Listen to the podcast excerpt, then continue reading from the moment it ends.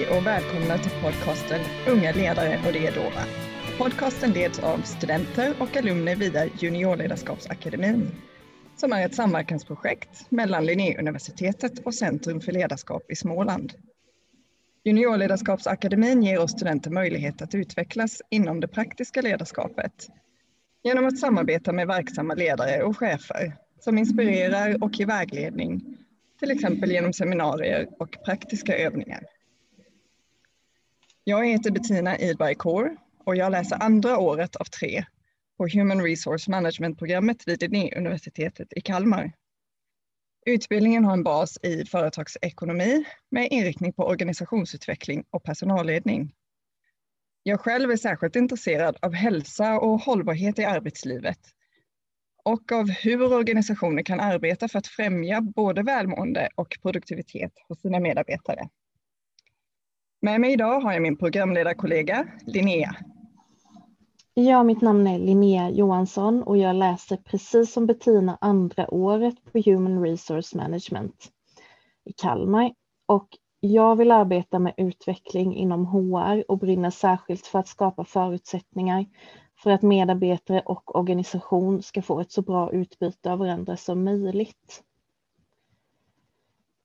Idag har vi med oss Louise Rosenqvist som är alumn från Linnéuniversitetet. Louise tillhörde den första omgången av studenter som deltog i juniorledarskapsakademin. Idag är Louise verksam inom HR på Södra Skogsägarna. Louise är också diplomerad coach och just nu en SPADE-SRE. Mer exakt vad det innebär att vara SPADE-SRE och vad juniorledarskapsakademin har betytt för karriären pratar vi mer om längre fram. Eh, varmt välkommen till oss Louise. Tack så mycket. Kul att få vara här. Vill du berätta lite om dig själv och det du gör idag? Ja, absolut. Eh, ni har ju inledningsvis redan sagt en hel, en hel del, men som, eh, som sagt då så är mitt namn Louise Rosenqvist och eh, jag har precis som eh, båda, båda er, eh, Bettina och Linnea, studerat Human Resource Management-programmet. Och eh, jag är ju då verksam idag på HR på Södra Skogsägarna och jobbar som kompetensutvecklare. Och om jag ska eh, berätta mer om mig själv och hur det kommer sig att jag är där jag är eh, idag rent karriärsmässigt så kan man säga att det började för ungefär åtta år sedan när jag gjorde ett aktivt val och bestämde mig för att byta bana i livet. Och då var jag 24 om jag minns rätt. Jo, men det var jag ungefär. Eh, och jag hade då varit anställd på just Södra och Södras massabruk i Mönsterås sedan studenten. Och eh, jag trivdes eh, bra med det jobbet, men samtidigt så hade jag en längtan efter att få jobba mer med människor. Och jag hade också ett stort intresse av hur organisationer fungerar och styrs på olika sätt. Så ja, när jag insåg att jag ville byta bana så funderade jag en hel del och det var absolut inte ett självklart val för mig att börja studera på nytt. Eh, särskilt inte då när man har ett fast jobb sedan ett, år tillbaka, ett par år tillbaka och också är ganska trygg i det och kanske blir bekväm så, eh, så var det inte ett, eh, ett självklart val som sagt. Men i mitt fall så hade jag ändå den här underliggande känslan av att jag ville något mer och något nytt. Då. Så till slut så valde jag att söka Human Resource Management-programmet i Kalmar och det fanns framförallt två orsaker till det. Dels att det är ett företagsekonomiskt program i grunden med inriktning på organisation och personalledning.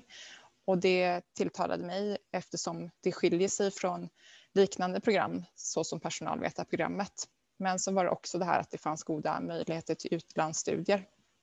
Men om vi backar tillbaka till det här med att börja studera på nytt och byta bana så är det någonting som jag hoppas att fler ska vilja och våga testa nytt. Ehm, man kan ju göra det i små steg. Det behöver inte vara att hoppa på en helt eh, ny universitetsutbildning utan det kan ju vara att gå en kurs eller att göra en praktikdag på en annan eh, avdelning eller arbetsplats eller att engagera sig i något föreningsliv. För det det egentligen handlar om är ju Eh, det här att lära sig något nytt och att växa i det som person. Och jag brinner mycket för livslångt lärande och det har ju aldrig varit så viktigt som det är i just idag. Då. Så jag skulle vilja säga några ord om det också, mitt, mitt intresse för det här med lärande och varför det är så viktigt idag. Och då är det ju så att om vi börjar med att eh, vi pratar ofta om att världen idag förändras i en allt snabbare takt. Och det beror ju bland annat på att världen är allt mer sammankopplad. Vi sprider information snabbare än någonsin. Och vi har mängder av data som med hjälp av AI kan sammanställa snabbare än vad någon mänsklig hjärna klarar av. Då. Så digitalisering av alla möjliga områden driver helt enkelt på utvecklingen. Och det gör ju att yrkesroller är i ständig förändring. Då. Så resultatet av att världen förändras så fort eh, gör ju också gör det svårare att förutse vad som är rätt kunskaper och färdigheter att satsa på. Så det som istället blir helt centralt är ju att öka sin förmåga till att just lära och att träna på att lära. Och att lära av och lära om och lära nytt. Så det här livslånga lärandet just har ju aldrig varit så viktigt. Så är det någonting jag tycker att man verkligen ska träna på så är det just förmågan att lära. Och nu när jag säger det här så tänker jag att det är säkert någon som sitter och tänker att ja, ja, men det där är inte så himla lätt att hjärnan är lite, är, inte är lika programmerbar som när man kanske var yngre.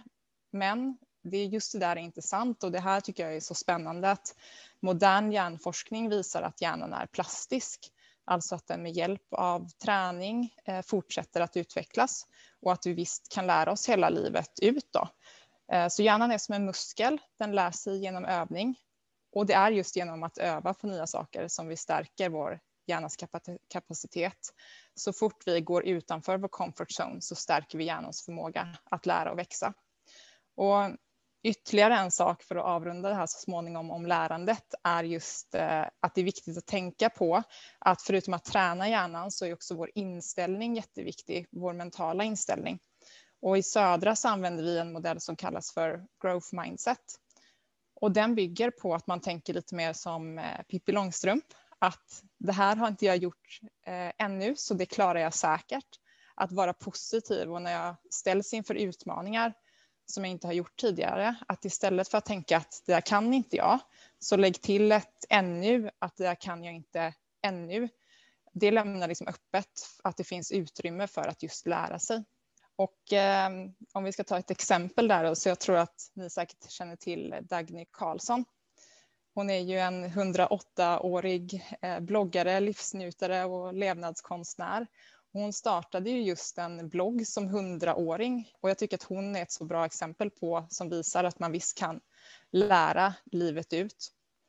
Och slutligen då om man lyfter det här till en organisatorisk nivå så idag just för att världen förändras så blir organisationers möjlighet till att utvecklas avhängig av just eh, medarbetares förmåga av att lära, lära sig nya kunskaper och färdigheter. Så att ha en fot i det okända och en i det kända tror jag är ett framgångskoncept för, för individer och organisationer framöver. Absolut, jag håller helt med. För de som inte vet, vad gör en kompetensutvecklare? Ja, eh, det där är en jättebra fråga tycker jag. För en titel är just bara en titel, men vad som faktiskt döljer sig bakom den kan ju variera jättemycket. Så vad är det då jag gör? Eh, om vi börjar med att eh, på Södra så arbetar vi strategiskt med kompetensförsörjningsfrågor. Och det är ju för att attrahera, utveckla och behålla rätt kompetens för framtidens utmaningar. Och då ingår ju i kompetensförsörjningen att identifiera och minska och stänga de här organisatoriska och individuella kompetensskapen. Så där någonstans är, är utgångspunkten. Och för mig så innebär det att jag jobbar både operativt och strategiskt eh, och både med interna och externa kontakter. Så ena dagen så kan jag sitta i en strategigrupp och ta fram förslag på mål och aktiviteter på lite längre sikt för att sen nästa dag grotta ner mig i olika data av olika slag och analysera det. Och ja, tredje dagen kan handla om workshops som att ge och ta feedback till exempel eller teamutvecklingar. Och en fjärde kan vara om att driva förändringsarbete eller implementera nya arbetssätt. Då. Men som sagt, den gemensamma faktorn är, att, eh, faktorn är att det syftar allting till att säkerställa kompetens här och nu, men också på längre sikt. En väldigt viktig del som, som jag jobbar mycket med i det vardagliga, det är eh, att jag i min roll samordnar en grupp internlärare och där finns det också utrymme för att utöva ledarskap eh, helt enkelt. Och de här internlärarna är jätteviktigt, har ett jätteviktigt uppdrag i att hålla i strukturen för våra inskolningsprogram på Södra. Så de ser till att hålla i strukturen för nya som ska lära sig. Eh, och de är också som en slags coach och mentor för adepter. Och jag tycker att eh, just det här, vi som företag på Södra och som, som ett eh, skogsbolag har ganska svårt att hitta den kompetensen som vi behöver. Så därför har vi valt att ta ett stort eget ansvar i att lära upp internt. Och för det är internlärarna eh, jätteviktiga i den samordningsfrågan. Då så tycker jag är ett bra exempel på när Södra jobbar framsynt och proaktivt med kompetensfrågor. Men eh, jag tänker så här att nu har jag ju pratat på en hel del och kompetens som ord. Jag tror att man kan tänka på ganska mycket olika saker när man hör det ordet. Så jag är nyfiken på vad ni associerar till ordet kompetens. Vad betyder det för, för er? Ja, men jag tänker på kompetens att det är ett ganska brett begrepp som först kanske man bara tänker på att det är ens egna kunskap, men det är så mycket mer än så. Och speciellt tänker jag på till exempel emotionell intelligens och det tycker jag är en väldigt viktig kompetens. Men det skulle man kunna prata om hur länge som helst. Eh, vad tycker du Bettina? Ja, jag tycker precis som du Linnea att det är ju ett väldigt brett begrepp som jag tror betyder olika saker och har olika innebörd för olika personer. För mig så tror jag att jag associerar det med både förmåga och erfarenhet, vad man har med sig, vad man har samlat på sig för kunskaper. Och sen också tycker jag att nyfikenhet och den här viljan att lära är också en viktig kompetens att ta med sig. Och sen som du sa, den här emotionella intelligensen är nog så viktig i de flesta sammanhang idag. Ja, Ja, det är jättekul att höra vad ni tänker på för jag har själv eh, brottats en del med det här begreppet. Och som ni är inne på, det finns så mycket som kan ingå i det här. Och på, på Södra så har vi valt att definiera kompetens som det en person eh, gör på jobbet, alltså de beteenden som en person uppvisar. Och de här beteendena bygger i sin tur på tre delar, Eh, tänker vi då. Och att det då handlar dels om det, det, det som ni har varit inne mycket på, både om vilka kunskaper jag har, alltså det jag vet och kan rent teoretiskt och intellektuellt. Och sen så handlar det också, som ni också har sagt, om mina erfarenheter, alltså det jag har gjort och varit med om. Och slutligen den tredje delen handlar om den jag är som person och min personlighet i grunden. Och jag tycker att Södras syn på kompetens är tilltalande eftersom den har ett sånt holistiskt perspektiv. Att den tar, den tar liksom med hela människan, vilket ju också öppnar, öppnar upp för att eh, det finns möjlighet att utvecklas på så många sätt och att växa på Södra. Ja, kan du berätta lite hur det var för dig då Louise att gå från att studera igen eh, till att börja arbeta och eh, även ta upp lite hur det kom sig då att du började på Södra. Ja, precis. För mig så var det förhållandevis enkelt skulle jag säga och eh, det beror ju på att jag hade ganska många år som års erfarenhet som yrkesverksam med mig innan jag började studera på universitetet. Eh, så för mig låg utmaningen snarare i att gå från jobb till studier med allt vad det innebär att leva på avsevärt eh, mindre medel och resurser, alltså pengar än tidigare. Så där, ja, rent spontant så inte så stor utmaning. Men hur, den här, hur det kom sig att jag började på, på Södra frågade du också där Bettina. Och jag har ju varit Södra-anställd i 13 år och det var inte alls meningen att jag skulle vara på Södra i 13 år utan snarare en sommar var tanken. Eh, jag sökte sommarjobb efter studenten och fick till, till en början eh, nej. Men sen blev det en plats öppen i sista stund eh, och då behövde de någon som kunde köra truck och traktor och sånt och jag hade lite erfarenhet av det. Så för mig var det alltså ganska mycket en slump initialt. Men jag är glad att det blev som det blev, för jag fick ju upp ögonen för ett område som jag inte visste mycket om innan. Och det har under de här åren på Södra blivit tydligt att det finns många eh, olika möjligheter att utvecklas internt. Då. Och du pratade ju lite där om att Södra har ett holistiskt perspektiv på människan. Och det har de ju även på sin produktion, vad jag förstår. Eh, de satsar ju på hållbar utveckling i alla led. Är det någonting som påverkar din roll? Ja, men, ja precis. Du säger ju det där att Södra har ett eh, hållbarhetstänk i, i, i det vi gör på totalen. Eh, så om vi börjar lite där med vad Södra faktiskt gör och sen mer eh, om, om min utveckling och också hur det påverkar min roll då. Så Ehm, jag tror vi får dra bakgrunden först om Södra. Vad, vad gör vi så att lyssnarna förstår? Och södra, på Södra så säger vi att framtiden är gjord av träd och för oss på Södra så innebär det att vi är övertygade om att innovativa produkter av, från skogen bidrar till ett mer biobaserat samhälle så att vi klarar av att göra den här gröna omställningen som samhället och världen i stort behöver göra. Så skogen i grunden är allt vi gör på Södra och vi förädlar ju skogsråvaran från våra medlemmars skogar till att bli förnybara klimatsmarta produkter av olika slag. Och om jag kort ska dra den här värdekedjan och hur den hänger samman så, så, kan, jag, så kan ni tänka er som tre olika steg. Där den första är att skogsägarna bedriver ett ansvarsfullt skogsbruk från planta till fullvuxen skog. Och när träden har vuxit klart så avverkas de då och så kommer de till i steg två till någon av våra av Södras egna industrier, eh, antingen ett sågverk eller ett massabruk.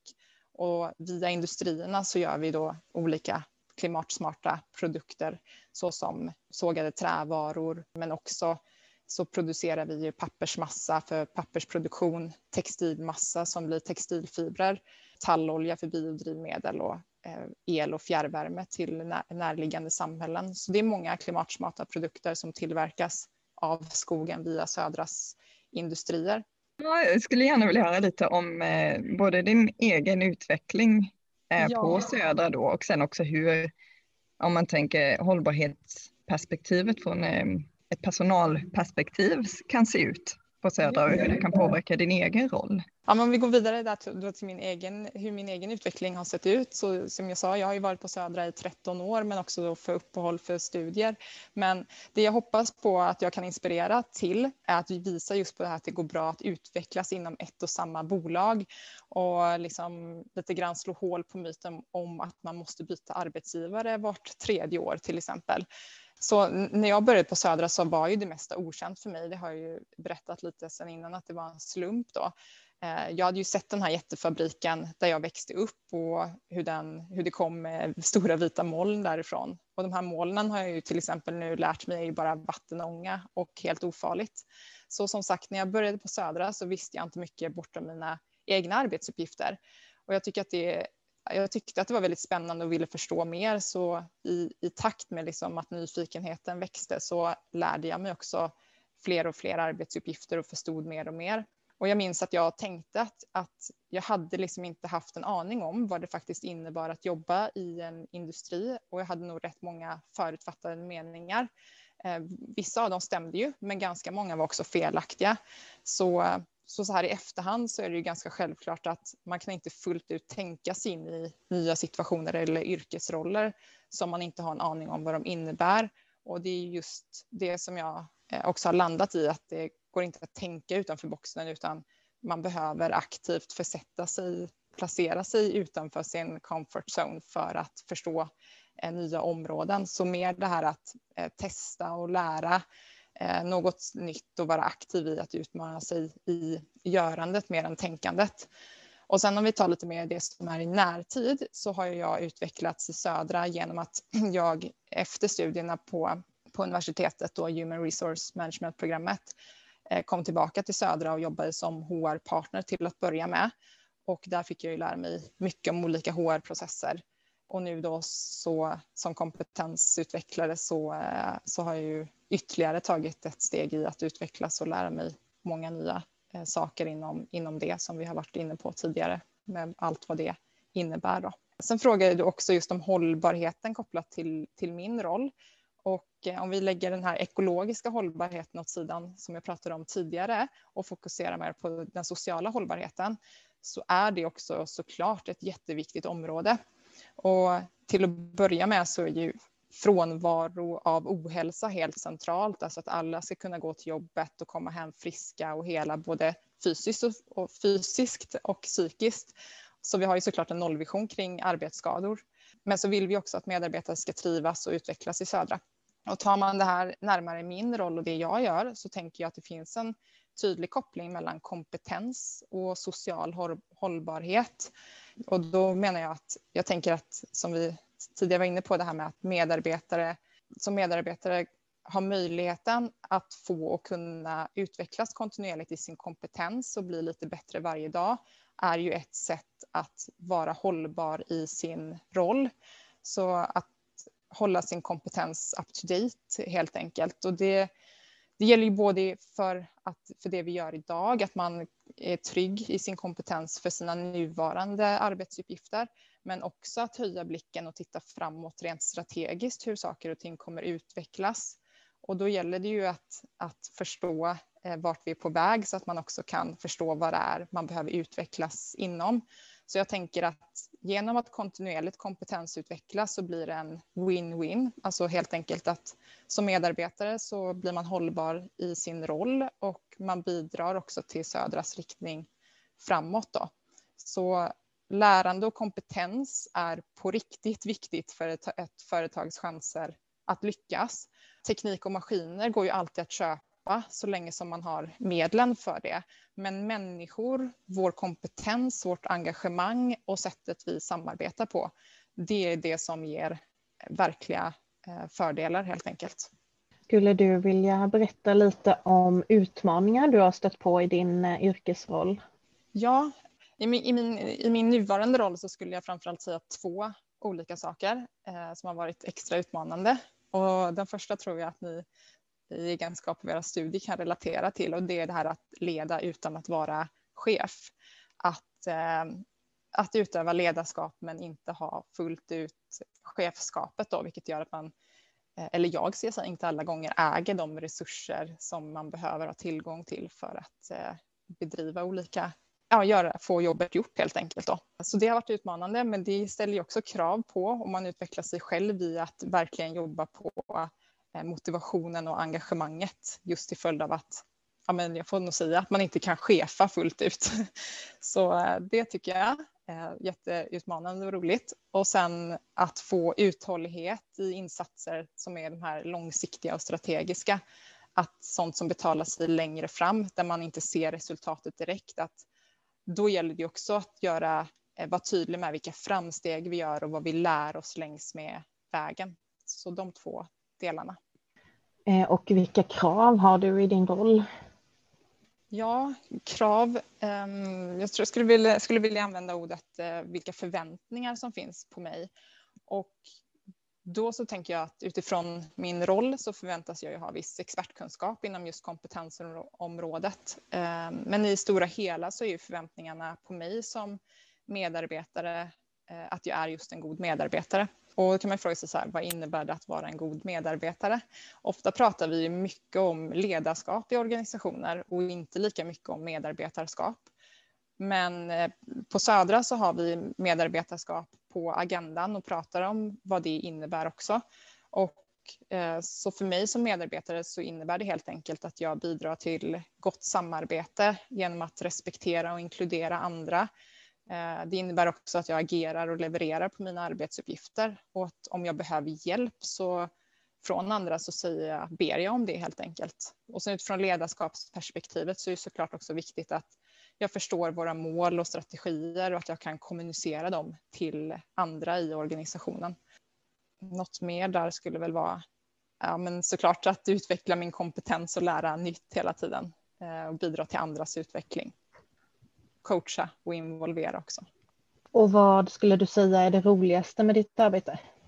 Ja, men det är helt klart eh, mixen mellan operativt och strategiskt. Jag tycker ofta att man ser att roller beskrivs som antingen det ena eller det andra. Men jag skulle säga att eh, just mixen av det eh, är det roligaste. Att dels vara nära kärnverksamheten och det dagliga. Det gör dels att det blir enklare att förstå våra nuvarande förutsättningar och också vilka lösningar på problem som passar. Och sen det strategiska är ju kul för att det ger långsiktiga perspektiv och visa på vilka utmaningar vi står inför och hur vi ska ta tillvara på möjligheter.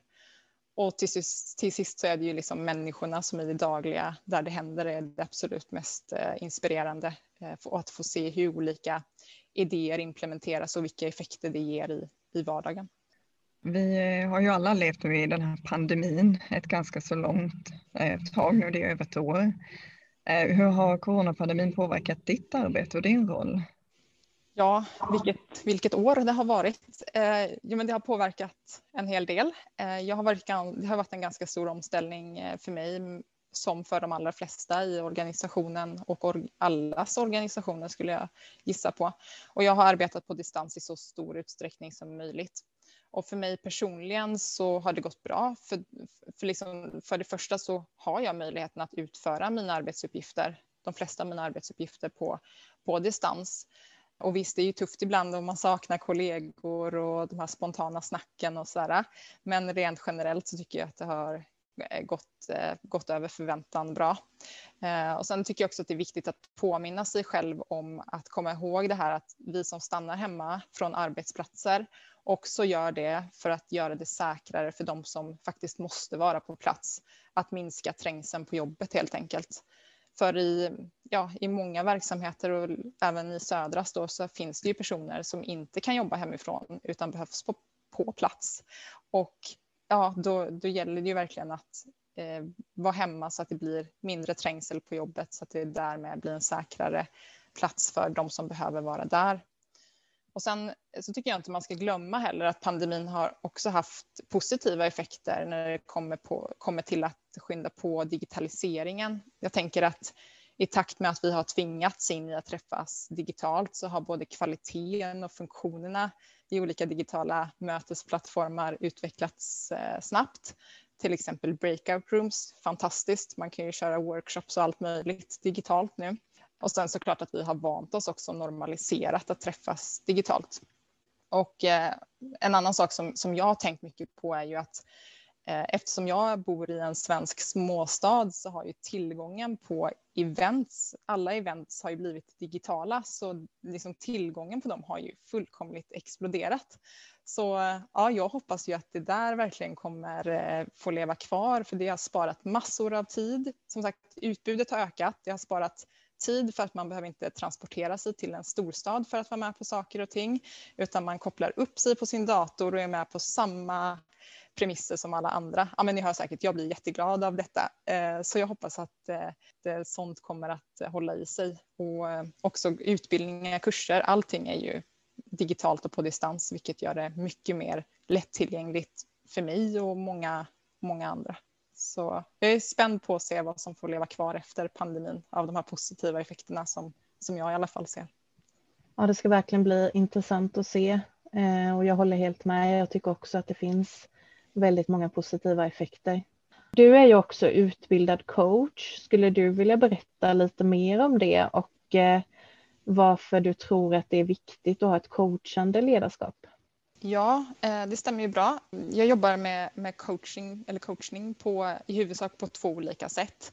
Och det har lite revolutionerat mitt sätt att eh, se på och eh, använda mig av det coachande ledarskapet. Så, så de här två olika sätten som jag använder coachingen på, det är dels det jag kallar renodlad coaching och det är ju då med, det enskilda, med en enskild klient när man sitter liksom eh, one-to-one -one och använder coachingen som verktyg. Men också att använda sig av ett coachande förhållningssätt som i grunden i vardagen i så stor utsträckning som möjligt. Inte alltid det passar, men långt fler gånger än, eh, än eh, vad jag tidigare tänkte innan jag utbildade mig till diplomerad coach. Då. Men när jag säger att coacha så är det nog flera personer som tänker sig en idrottscoach som liksom står och peppar och lägger upp taktik för hur jag ska hur, hur, ett lag ska spela för att vinna en match och så vidare. Så coachen står där som någon slags eh, expert och har svaren på hur, hur laget ska vinna matchen. Eh, när jag pratar om coachning och som diplomerad coach så är det ganska mycket tvärt det som jag just beskrev. För som coach så står jag inte för några, några svar på hur utmaningar ska lösas utan tvärtom så ligger svaren hos personen som blir coachad. Och det jag som coach framför allt gör är att jag lyssnar aktivt och ställer öppna frågor för att på så vis hjälpa klienten eller personen att hitta sina egna svar.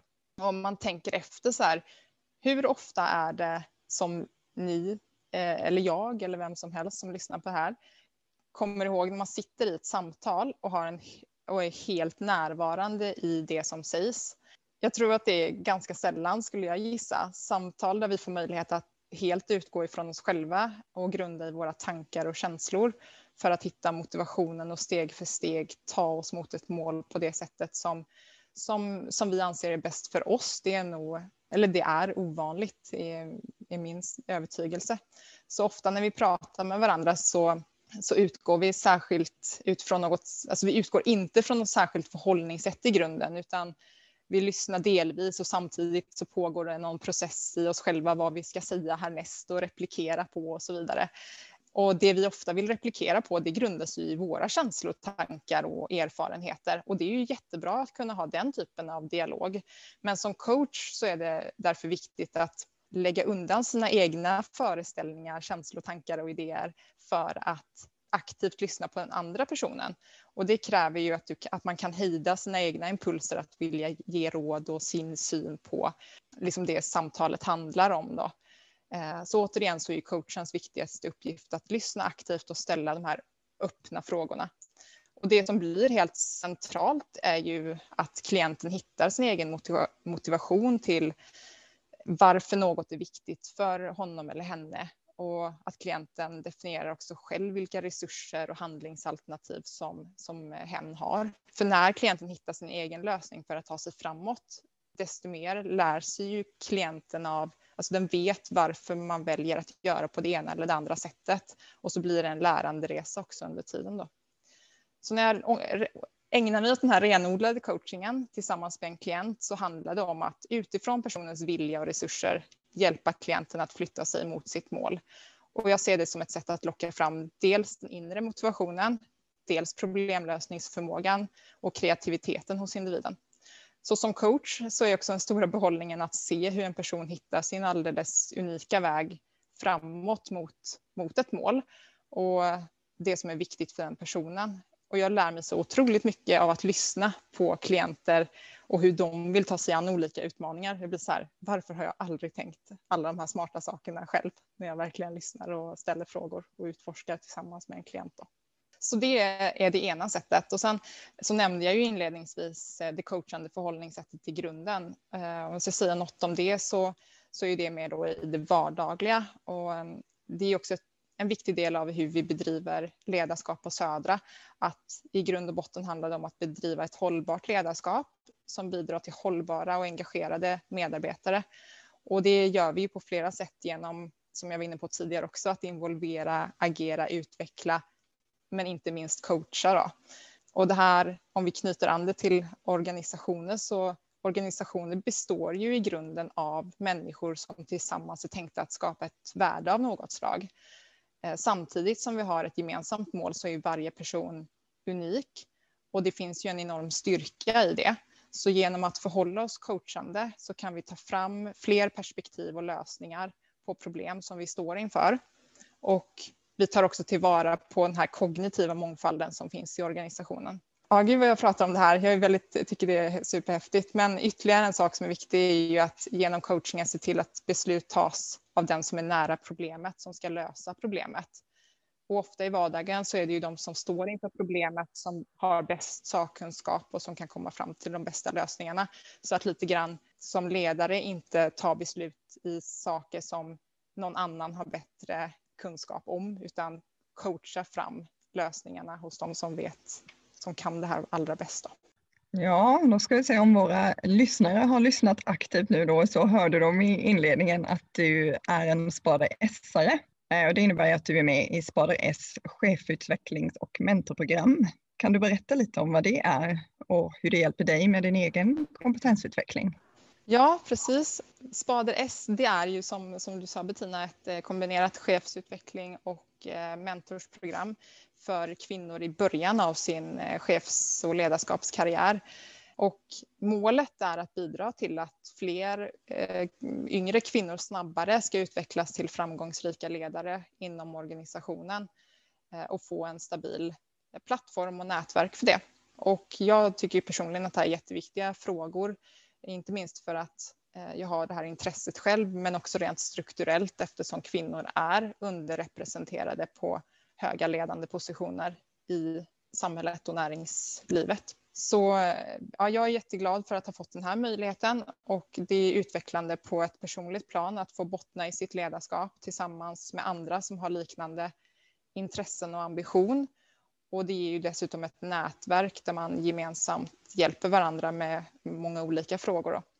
Och om man går in lite mer i vad, vad, det här är så är det ju som jag sa inledningsvis ett program, både chefsprogram och mentorsprogram. Och det löper över ett års tid och vi har ju då träffar för att djupdyka inom olika områden av om ledarskap och det bygger mycket på eh, dialog och reflektion i grupp. Då ja, sen mellan de här träffarna, träffarna har olika, olika teman så det kan vara allt ifrån eh, att det liksom, hur hittar man motivation och drivkrafter hos eh, medarbetare? Hur driver man förändring och digital utveckling? Eh, såklart mycket organisation, kultur och strukturer. Också om att leda sig själv, en stor del av programmet. Och sen kopplat eh, till alla de här jättespännande områdena som eh, vi får föreläsningar om och mycket diskuterar kring så finns det också mentorer som är kopplade till varje person. Så jag har, har en mentor, Alexandra Hagen, vd på eh, White arkitekter. Det är otroligt värdefullt att ha en mentor som är senior och har erfarenhet som man kan bolla olika frågor med. Där får man, eller jag har i alla fall fått en stor hjälp i att både bli utmanad av, av min mentor Alexandra i att eh, liksom utmana mig själv och våga mer, men också eh, en otrolig tillgång av att få ta del av någon annan som har gått igenom det här tidigare och få konkreta tips och råd. Ja, det är ett program som ger mycket och som har ett gott syfte. Det låter som en eh, fantastisk utvecklingsmöjlighet. Då blir man ju lite nyfiken på vad du har för tankar inför framtiden. Ja, den där frågan eh, får jag emellanåt och jag har funderat eh, en, en hel del kring den. För att börja med att vara konkret då, så ett område som jag skulle vilja lära mig mer om är hur Södras affärer fungerar. Hur, hur fungerar vår business och marknaden och hur jobbar vi mot våra kunder? Ett annat område är också att eh, förstå mer tvär, tvärfunktionella, förstå bolaget mer tvärfunktionellt och våra olika affärsområden. Och det här är just för att i framtiden förhoppningsvis få vara med och fatta beslut eh, på ett annat sätt. Och då tycker jag att det är viktigt att jag lär mig mer om våra, olika delar och att jag har en bra helhetsförståelse.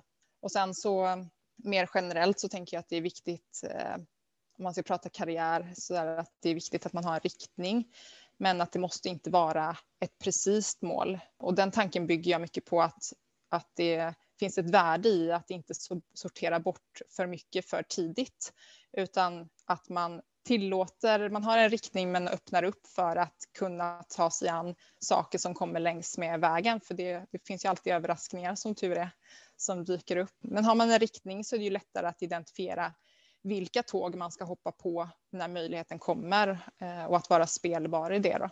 Men ingen, ingen så specifik position eller titel utan snarare fokusera på innehåll i tjänsten eller, och rollen. Då. Och ska jag ge något tips till andra så fundera på drivkrafter eh, som just du har. Eh, vad är det som får dig att prestera ditt bästa och lägga i den där extra växeln. Det, jag har märkt mycket att jag drivs av lusten av att lära och hela tiden ha det här fönstret öppet för att se vad som kommer för spännande som man kan få vara med på. Sen en sak som, som jag personligen eh, liksom brottas med emellanåt och som jag vill skicka med till andra också, det är att fundera kring om det finns några rädslor som håller tillbaka eh, eller styr en i ens, om vi nu väljer att kalla det karriärsval då. Eh, jag tror att ofta håller vi tillbaka oss själva för att det finns en rädsla för att inte lyckas. Ehm, och det är ju jag vet inte om ni har avstått från att liksom söka ett jobb för att ni inte kan pricka av alla punkter i en annons. Ja, eh, jag ser ju er nu så jag ser att ni nickar i alla fall. Eller eh, att man har avstått från att ta, en, eh, att ta sig an ett uppdrag för att det finns kanske någon annan som kan göra det bättre och så vidare. Och ehm, om man återvänder till det här med lärande då, så tänker jag att, att, att ha ett mindset där man tänker att okej, okay, jag, kan, jag kan lära mig någonting av det här och att det, ehm, man liksom, you never, you never lose, you either, you either win or you learn. Eller både och kanske, eh, tänka så då. Men eh, ja, en sån, ett sånt bra, fyra stycken bra frågor när man har lite self-doubt tycker jag är att eh, utgå från en, eh, någonting som Byron Katie har skrivit, en bok som heter The Work och där beskriver hon när man har tvivel och sådär att eh, man ska göra som en slags självutredning med hjälp av fyra frågor.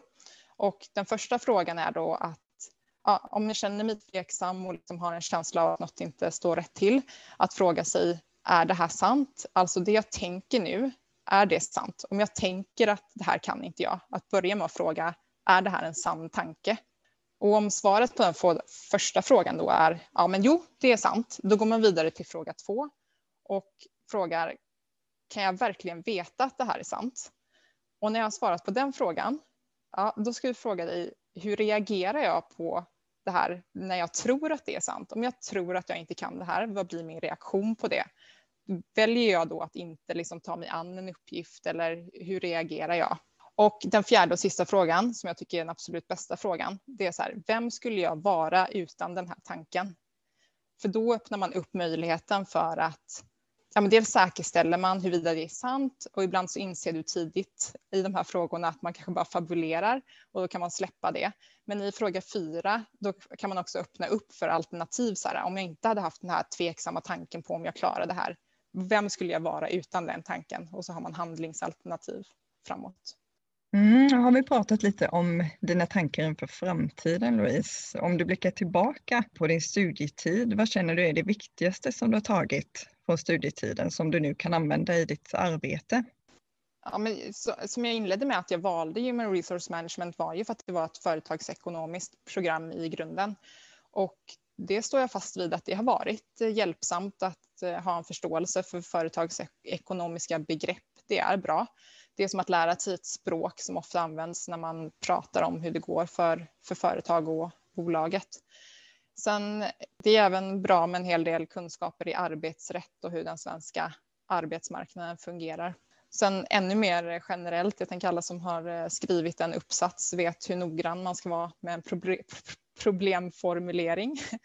Och det är ju helt enkelt för att förstå problemet på, på riktigt så att vi kan lösa ja, men man blir mycket, mycket bättre om man, om man förstår vad det är för problem vi ska jobba med så är sannolikheten att vi jobbar på rätt lösningar mycket större också. Sen tycker jag att man på universitetet verkligen får lära sig att göra, eh, göra, planera sin tid och få saker gjort i tid, vrida och vända på perspektiv och vara noggrann med vilka antaganden man gör och jobbar utifrån. Så mycket så här kring att, eh, hur man tänker kring olika saker. Eh, är det någonting du sen har lärt dig ytterligare i arbete inom ledarskapsteorin?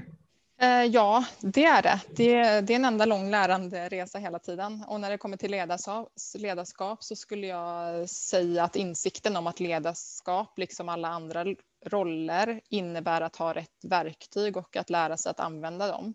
Alltså att det krävs träning. Och som, som eh, ung, och, eller för den delen ny som ledare, så tycker jag att det är värt att komma ihåg att ledarskap inte handlar om en själv, utan det börjar hos dig själv, men det handlar om vart vi är på väg tillsammans och varför vi ska någonstans.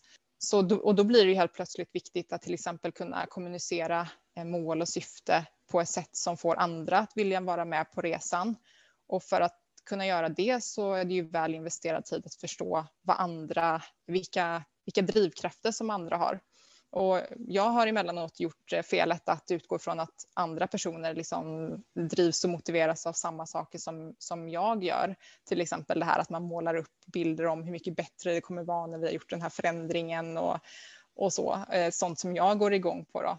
Men alla funkar ju inte på det sättet utan ibland är det mycket bättre att utgå ifrån fakta och siffror och logik beroende på vilken person man pratar med. Och det handlar inte om att det ena är mer sant än det andra utan det är bara att anpassa sitt, eh, sitt språk helt enkelt.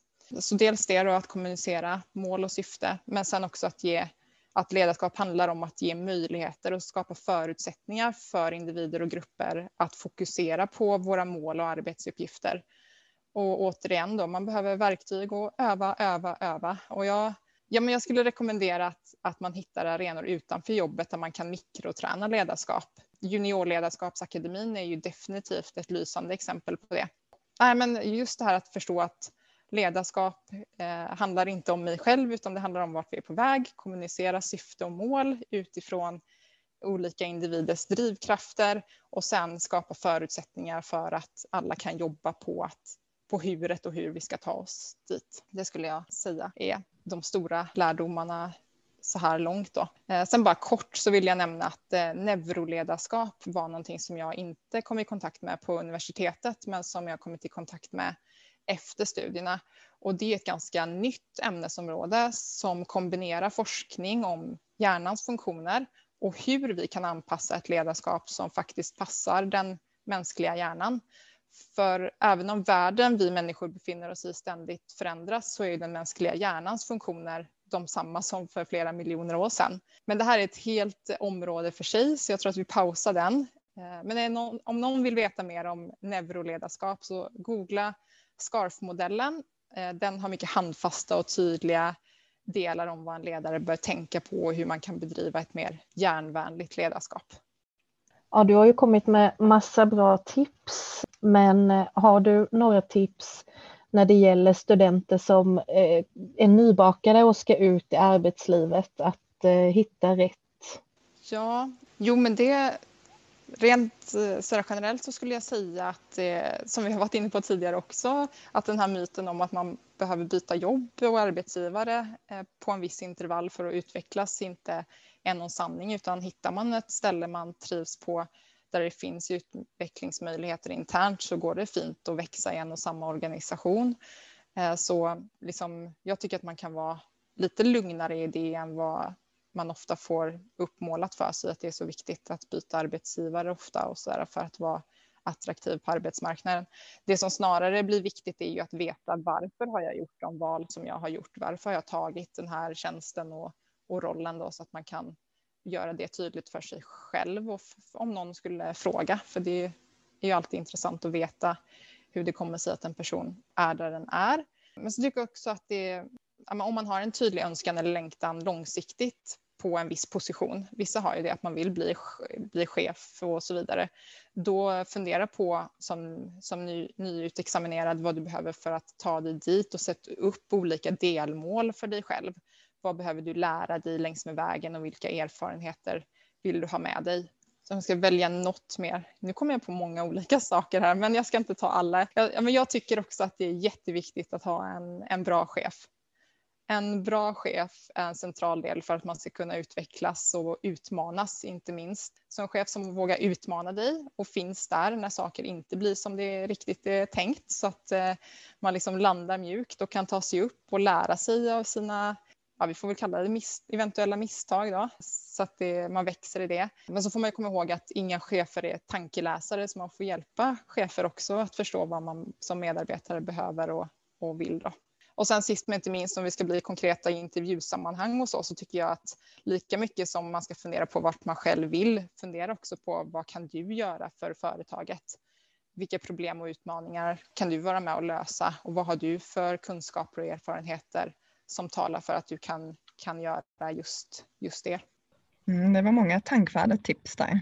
I Juniorledarskapsakademin ges ju vi som studenter möjlighet att fördjupa oss i det praktiska ledarskapet eh, varför tror du att det är viktigt?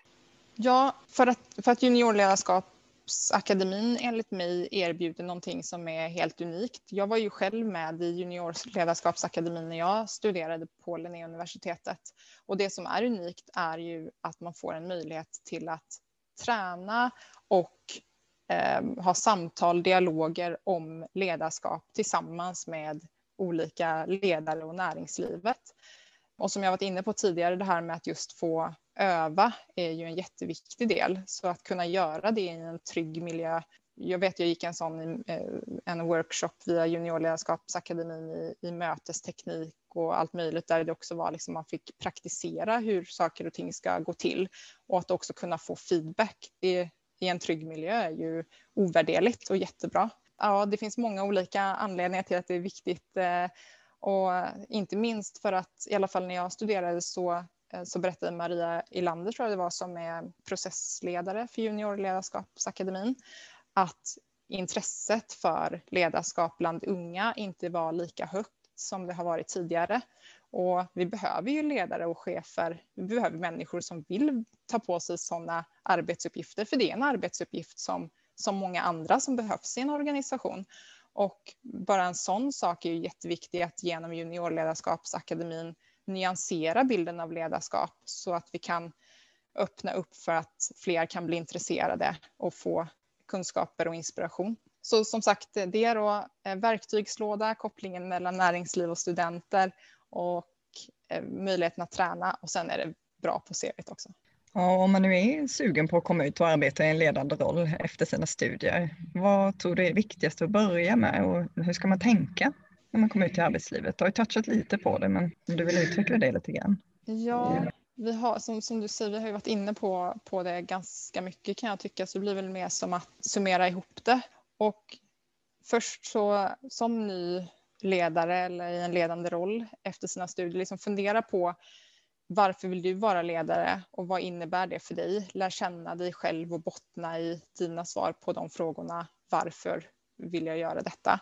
återigen, skaffa verktyg och lär dig att använda dem genom att eh, öva, öva, öva. Det finns mycket modeller och, och så där man kan konkretisera och eh, verktyg helt enkelt för att få öva. Det behöver vi inom vilket område som helst, även ledarskap. Sen så tycker jag att som, för alla ledare, inte bara som ny i en ledande, så tänk på att som ledare har du ofta ett i förhållande till medar, alltså alla är vi medarbetare, men till, i förhållande till de som inte är i en ledande position så har man ofta ett informations, informationsförsprång och man vet generellt lite mer om olika saker än de allra flesta.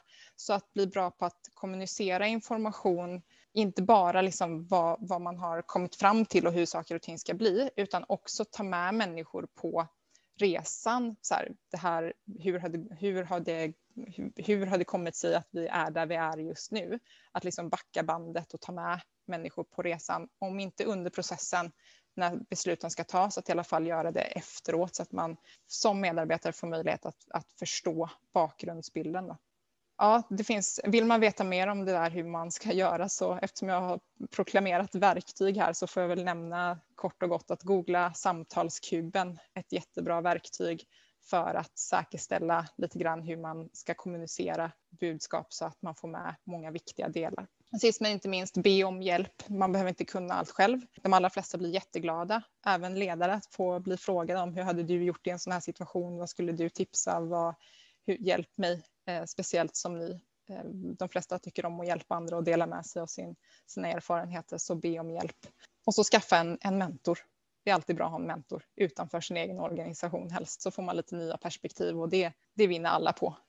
Ja, men vi ska ta och runda av lite. Vi har eh, eh tre avslutande frågor och eh, då är den första om du har några särskilda strategier eller rutiner som du tror är en framgångsfaktor.